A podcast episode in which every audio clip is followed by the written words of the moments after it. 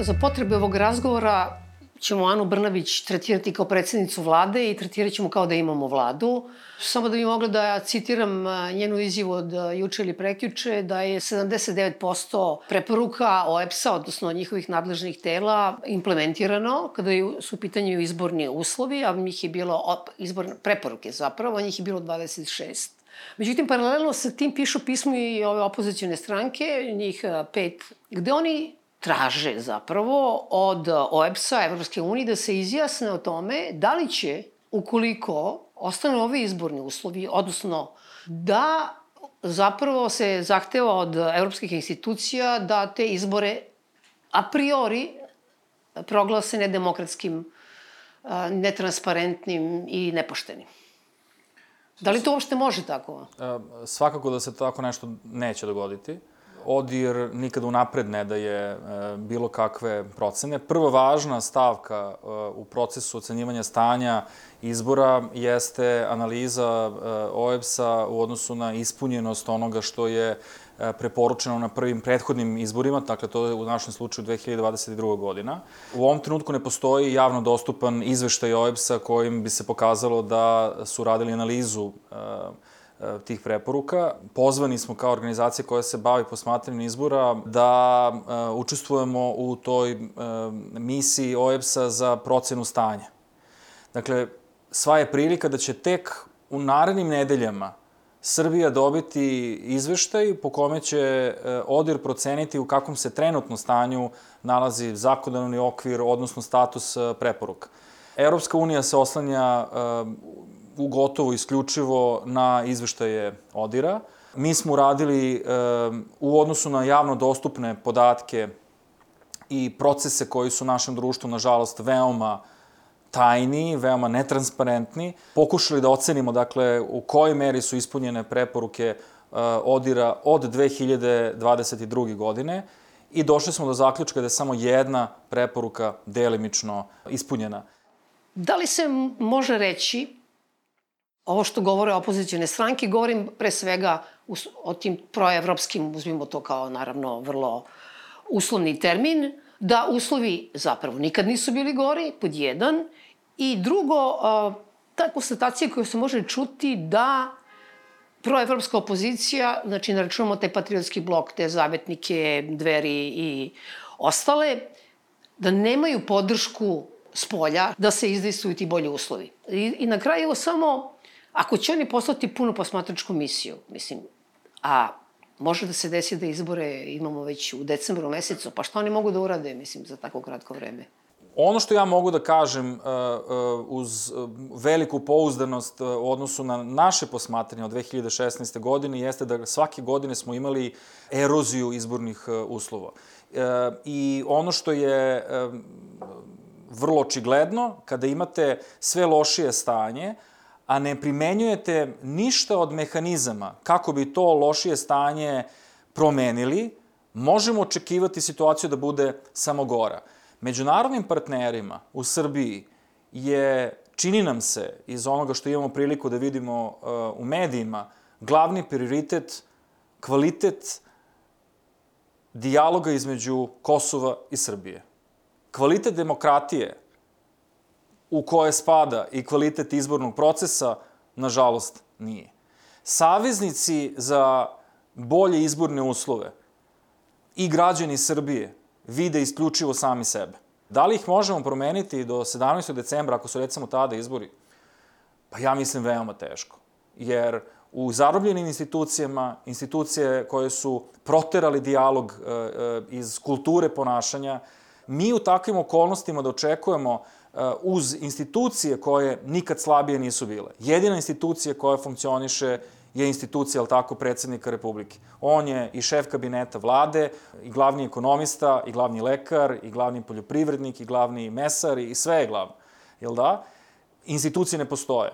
E, tu, je, tu u stvari leži uh, uh, jedan od najvećih problema, jer ukoliko imamo društvo u kome se različite profesije ne bore za integritet svojih profesija, za svoje institucije, političarima kojima očigledno to u prirodi i verujem da nismo u tom u smislu specifični, ali na svu sreću u tim nekim e, demokratskim zemljama kojima su nama ideal, imamo institucije, javnost koji su korektiv, medije koji su korektiv e, izopačenih ili korumpiranih e, pokušaja uzurpacije moći. Došlo do toga da građani više nemaju vere u sebe, misle da su svi političari isti, apatični su i to je milje, to je okruženje koje odgovara upravo strankama na vlasti. Jer ukoliko dovoljno ljudi koje bi možda glasali drugačije, odvrtimo od izbora, odvrtimo od politike, odvrtimo od, odvrtimo od bavljenja našim društvom, mi onda prepuštamo uh, praktično sada jednom čoveku da bude glavni u svim temama i da odluče o našim sudbinama bez bilo kakve kontrole. Ova vlast tempira izbore u onom momentu kada smatra da može da ih dobije. Da li po tvojom mišljenju, za sada, znači mišljenje je, možemo da očekujemo da će to biti 17. decembra? Okolnosti koje e, prate izbore, kao što je upućivanje zvaničnog poziva Odiru da dođe u, u um, Needs Assessment Mission, okolnosti sednica radnih grupa Republičke izborne komisije, poruka koja vidimo u javnosti, u ovom trenutku, možda ću misliti drugačije sutra, ali u ovom trenutku mi se čini da uh, se bliže izbori. Ali u tome upravo i leži najveći problem. Dakle, prvo pitanje koje ćemo postaviti Odiru u ponedljak kada se budemo videli jeste za koje izbori ste došli da radite needs assessment. Jer mi u ovom trenutku nemamo zvanično raspisane ni jedne izbore. Imamo i drugu devijaciju koju do sada nismo viđali, eh, a to je, odnosno viđali smo sporadično kada su se recimo 2017. godine eh, paralelno sa izborima u Lučanima nasilnim, pa čak i protizakonitim putem raspustile skupštine još tri opštine, kako bi se, to je bila taktika u tom trenutku, snage opozicije raspršile na bukvalno četiri strane, četiri dela Srbije. Apsolutno nikakve posledice, niti pravne, niti političke, niti mor... nikakve posledice nije bilo u odnosu na, na tu situaciju. Sada imamo priliku da između 40 i 70 e, e, opština i gradova će možda imati e, izbore u decembru. To je i dobar primer da su izbori u Srbiji postali mehanizam održavanja na vlasti, jer kada non stop raspisujete izbore, vi u suštini nikada nikome ne položite račun, zato što uvek kažete, pa evo, nismo stigli, imamo vanredne izbore. Kako možete da stignete da sprovedete reforme za koje su vam potrebne, recimo, četiri godine, ali evo, mi smo prošle godine imali izbore kada imate informaciju da je, ako se ne varam, dve trećine visoko pozicioniranih javnih funkcionera, postavljenih funkcionera na privremeno, privremenim ugovorima, koji bi trebalo da budu najprofesionalniji ljudi, u stvari ne rade i ne ponašaju se kako bi štitili te institucije ili, ili svoju profesiju, već štite sebe jer im zavisi posao od produženja ugovora, odnosno da više nisu vršioci dužnosti. Vi ste u ovom saopštenju, koje je verovatno referira na, upravo na tvrdnju Ane Brnabić da su ispunjeni svi ti uslovi 79%, Ima nekoliko glavnih, da ih ne nabrajamo sada, ima tu naravno ja, to je apsolutno čitav jedan svet, oni su smislili, samo se time i bave. Vi ste zajedno sa mnogim drugim organizacijama, ali vi konkretno podnosili prijeve posle uh, ovih prošlogodišnjih izbora. Ja stvarno više ne znam kad su bili izbori, mislim, to potpuno sam sluđena sa tim. Pa znam nekoliko, više ne znam. Šta su radile te institucije koje postoje i plaćene su i bezečno, oportunistički se ponašaju, kako su one odgovarale na te vaše e, primetbe, od kojih sam neke videla, koje su potpuno jasne, evo, ovaj, ako nismo orangutani, zdrav mozak ti govori da, da to ne može tako u i ole demokratskoj zemlji. Dakle, kako su se one snalazile u tim momentima? Ono što su ključni problemi izbornog procesa, to pre svega jeste sloboda izbora, tu govorimo o pritiscima na birače, da li građani mogu slobodno da glasaju za koga žele ili da ne glasaju, kako god, stanje u medijima, da su to ključni problemi, time se naša država ne bavi čime se bavi? Bavi se administracijom, tu ima nekih pomaka, ne kažemo da to nije važno, jeste, ali zbog toga nećemo mi imati sutra demokratske izbore. I to je taj spin, sad ćemo se mi bavimo da li je 25 od 26 ili je nebitno, ako je jedna suštinska da imamo slobodne izbore, ta mora da se ispuni da bismo mi mogli da kažemo da zaista imamo demokratske izbore. I kad smo govorili tu o političkoj kulturi, da, nažalost, nama je to pokazalo istraživanje koje smo mi radili i pred prethodne izbore, razgovarajući sa, sa ljudima, imamo njihove ispovesti, gde je ta vrsta političke korupcije, da li sam ja nekom dužna da glasam za njegovu stranku ako, je, ako ja dobijem socijalnu pomoć koju po zakonu, koju imam pravo, to je sad nekako postalo, pa to je normalno, to stranke rade, šta sad to što sad oni idu kuc kuce na vrata, pa onaj ko je socijalno ugražen donose mu ogrev, eh, hranu. Mislim, to je zloupotreba ljudi i siromaštva s jedne strane. Ili ako ljudi, sad e, vi radite u nekom preduzeću, direktori koji malo pre smo spominjali da su uvede stanju, to je jedan od mehanizama kako se vlade, dajte direktora koji uvede stanju, taj će da uradi onda sve da bi zadržao svoju poziciju, vrši pritisak niže prema svojim zaposlenima. Ljud, nekim ljudima zaista zavisi egzistencija od posla. I nekada ne možemo mi sve svaliti krivicu na njih, pa može da se kaže ne. Neki ljudi mogu, neki ne mogu. Zato nam je tu solidarnost vrlo važna i da razumete mehanizme, a nažalost najstrašnija u stvari činjenica svega ovoga jeste da mi kad pitamo ljude pa dobro zašto ne prijavite te pritiske, zašto se ne obratite institucijama, ne, kako se prijavim institucijama, bit će mi još gore. I zaista, prožavač, vi vidite da vas ne država neće da vas zaštiti, nego se vi plašite države možda zvuči kao floskula, ali jeste na nama građanima. I da sutra kad, su, kad imamo priliku da izađemo na birališta, kažemo da mi možda ne želimo takav sistem, želimo neki drugi, ali neće nam biti bolje ako se povučemo u svoje četiri zida i govorimo, jo, kako loše stanje, vidi ništa nema, ne može ništa da se uradi, a ne mogu institucije biti drugačije od sistema. One su inertne, mi ako govorimo o jednoj institutu kao što je Agencija za spričavanje korupcije, koja jeste nadležna za, kažemo, za kako se u kampanjama, kako se finansiraju izborne kampanje, da li ima zloupotreba javnih resursa i tako dalje, nema nikakve proaktivnosti. Nekako to ono, ja sedim u svojoj kancelariji, pa ću eto to što mi je tako malo po zakonu, ali to su zaista neke kozmetičke, zaista te mere koje se izreknu nemaju možda druge mehanizme, ali slučajevi kojima se bave budu zaista onako minarni, da li je neka stranka, štampali su upaljače, da li je označeno ovako i onako, dakle je to kupljeno, a onda ono što svako od nas vidi slučajevi izborne korupcije, ali imali smo slučaj da je jedna poslanica SPS-a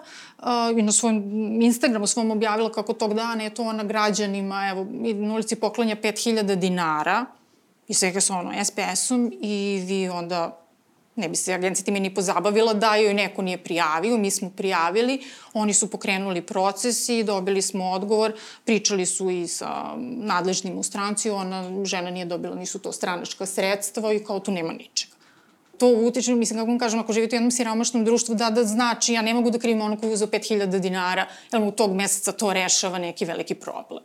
Tako da to što je Raša spomenuo, to menjanje kulture, to će biti dugotrajan proces. S jedne strane imate potpuno generacije koje su odrasle u tom uverenju da su stranka i država jedno isto i ne vide ništa pogrešno u tome ako se u stranci se zaista zalažu, aktivni su, doprinose uspehu stranke, da sutra budu nagrađeni poslom u javnu instituciju. Oni, to je potpuno isto. Ja se slažem da treba u stranci da napreduju.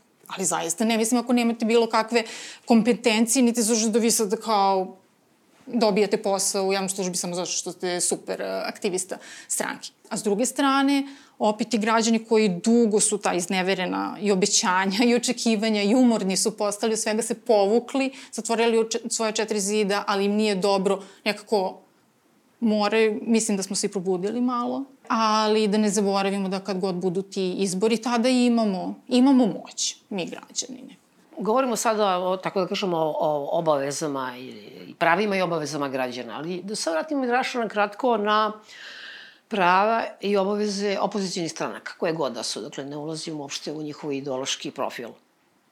Mi imamo situaciju, odnosno imali smo na beogradskim izborima, kako se sećam, a to je da oni nisu u stanju da na izborni dan kontrolišu i da imaju posmatrače i da znamo da je makar tog dana nešto bilo u redu. To je tačno.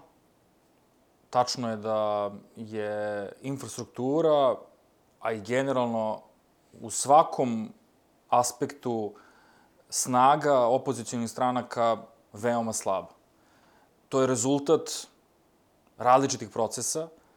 Jedan od procesa koji je doprineo a, a, tom krnjenju integriteta, snage, potencijala opozicije je i višegodišnja, a možda i decenijska kampanja a, protiv politike, u kojoj se u politiku uključuju samo ljudi koji imaju direktan finansijski ili nekako drugu korist, možda zvuči kao cepidlačenje. Stranke nemaju posmatrače, stranke nemaju kontrolore, stranke imaju članove državnog tela za sprovođenje izbora. Dakle, imaju zakonska ovlašćenja. Kada krivično delo tokom izbornog dana počine obični građanin, kazne su manje nego koliko ih počini član biračkog odbora. Mi smo za beogradske izbore 2018. godine objavili javan poziv građanima koji žele da budu posmatrači, zaista posmatrači, dakle ne stranački članovi biračkih odbora, već nezavisni posmatrači uh, i imali smo situaciju da nam je na izborni dan, u nedelju ujutru, oko 20% posmatrača se nije pojavilo na biračkom mestu. Koji su prošli čitav niz obuka, koji su dan pre toga većina njih došli da uzmu materijale, dakle ne možete da se pojavite na biračkom mestu tek tako, već morate da imate akreditaciju i tako dalje. I sutra dan se nisu pojavili. Radili smo analizu ko, ko su ti ljudi koji se sutra dan nisu pojavili. To su bili oni ljudi koji su nam se javili preko javnih poziva, dakle nisu došli po preporuci od prijatelja, poznanika, saradnika, saboraca uh, širom Srbije. Dakle, hoću da pa kažem... Pa to je petokolona malo. Sigurno ima i toga. Sigurno ima i toga. Ali mnogo je lakše kritikovati opoziciju i... Ako uh, ti hoćeš da uđeš u politiku, a nisi u stanju, ne možeš uh, da organizuješ uh, ljude, to je uže ipak jedno jezgro, to je besmisleno da ti očekuješ onda nešto, jer... I ja se tu slažem i zato je velika odgovornost i veliki zadatak za opoziciju da upravo to uradi. Jer dve su stvari. Jedno je pitanje da li će na tom biračkom mestu u potpunosti biti poštovane procedure, pravila za e, tajno glasanje, za e, pravilo jedan čovek, jedan glas, a drugo je pitanje da li će birači potencijalnih tih stranaka na biračkom mestu videti nekog svog. Mi govorimo sada ovde o jednoj dugoročnoj rovojskoj borbi borbi između sila koje su uzurpirale sve alate moći, koje imaju neverovatnu spregu s organizovanom kriminalom. Svakog dana vidimo posledice izbrisane linije između države, e, e, sila moći koje bi trebalo da suzbijaju kriminal i samog kriminala i ostatka društva koji tako jedno društvo ne želi, ali ne vidi put. I zato je odgovornost ljudi koji su preuzeli ulogu da budu naši politički predstavnici ogromna i velika. Ali, kako da vam kažem, u, u, društvu u kome nijedan predsednik stranke nije podneo ostavku nakon poraznih rezultata, već se bavi dalje politikom, govori da, da ni oni nikome ne polažu račun. I zato, eto, ovo je možda poziv ljudima da neki od njih mogu da se prijeve da budu posmatrači sa organizacijom civilnog društva, mogu da se prijeve da budu članovi biračkih odbora nekih stranaka, ali da se uključe u rad stranaka, jer niko umesto nas to neće raditi. Pomenuo si um, uslove vreme Miloševića. Naravno da su i ovi naučili nešto, bez obzira što izgledaju nepismeno i polopismeno, ali ima tu neko ko ovaj, ih savjetuje. Izbori se kod nas već dosta dugo sa ovom vlašću pre svega dobijaju pre izbornog dana. Da, mislim da smo mi zapali u to da su nama oteti izbori. Mi rekli smo malo pre vlada se izborima, ali da. mislim da smo zapali to da mi građani imamo moć da vratimo da izbori postanu sredstvo smenjivosti vlasti, koje god. A ovde u uh, preduzećima i to sad kako krene ta, rekli ste, spirala nasilja, ovde se u ovoj zemlji se vlada nasiljem, vlada se strahom i to apsolutno može da se vidi. I to je ono što naši zemlji pokazuju, mi kažemo ti politički pritisci, oni su svakodnevni, to se ne dešava, pred izbore se samo pojačavaju. Od vas traže da vi ne samo izrazite lojalnost partije, nego vi morate da pomažete podizanju straničke infrastrukture, da nabavljate sigurne ili sigurni glasovi nisu ništa loše, govorimo kapitalno, to je ono pod pritiskom u stvari, a ne zato što sam ja zaista pristalica neči. Ili ima i slučajeva da vi morate na neki način da donirate stranci. I to često je taj mehanizam koji se koristi i to najviše su tom izloženi ljudi koji su posao dobili preko stranke ili su na ugovorima na određeno vreme, privremenim, povremenim poslovima da bi produžili ugovor, vi onda, da je to neće kao da radi preko vremena, u stvari to preko vremena odlazak na stranički skup i tako dalje, onda dobijate, jel te, neko malo povećanje plate, ali to što su dobili povećanje, vi ćete to onda u straničku kasu da date. I to je potpuno jedna spirala i nama ljudi tu što su pričali kako, kako vam kažem, i to držanje u VD stanju, koji je mehanizam vladavine i to, tad mi možemo te smenimo kad god, kad god hoćemo. Ili imate mehanizam kako vas onda na poslu, samo ako niste, jel te, lojalni, ne radite ono što vam se kaže ili odbijete da odete na stranački miting i onda ćete da dobijete, na primer, mehanizam, to zove a, vrlo zanimljivo sindrom punog stola. Samo dođem, samo ako do, do, zatrpam vam s papirima, dobijate a, zadatke koji nisu u vašem opisu posla ili niste stručni za to. Mi smo imali a, slučaj Ranke Kašiković, mene hrabre, hrabre žene iz Subotice koja je rekla ne kada su joj rekli da ide na stranački miting, pa je postala žrtva mobinga i upravo su je to radili. Ona je pravnica, radi u kadrovskoj službi, ono, ugovori ljudi za pošljavanje, samo su onda krenuli da joj svi koji rade u gradonočnom centru treba njoj da se jave da je ona odgovorna osoba za sve poslove. Moleri dođu, kreće njoj, treba da se posluje žena, ne zna taj posao. Samo je zatrpavaju, znači ne prestaje da vam zvoni telefon.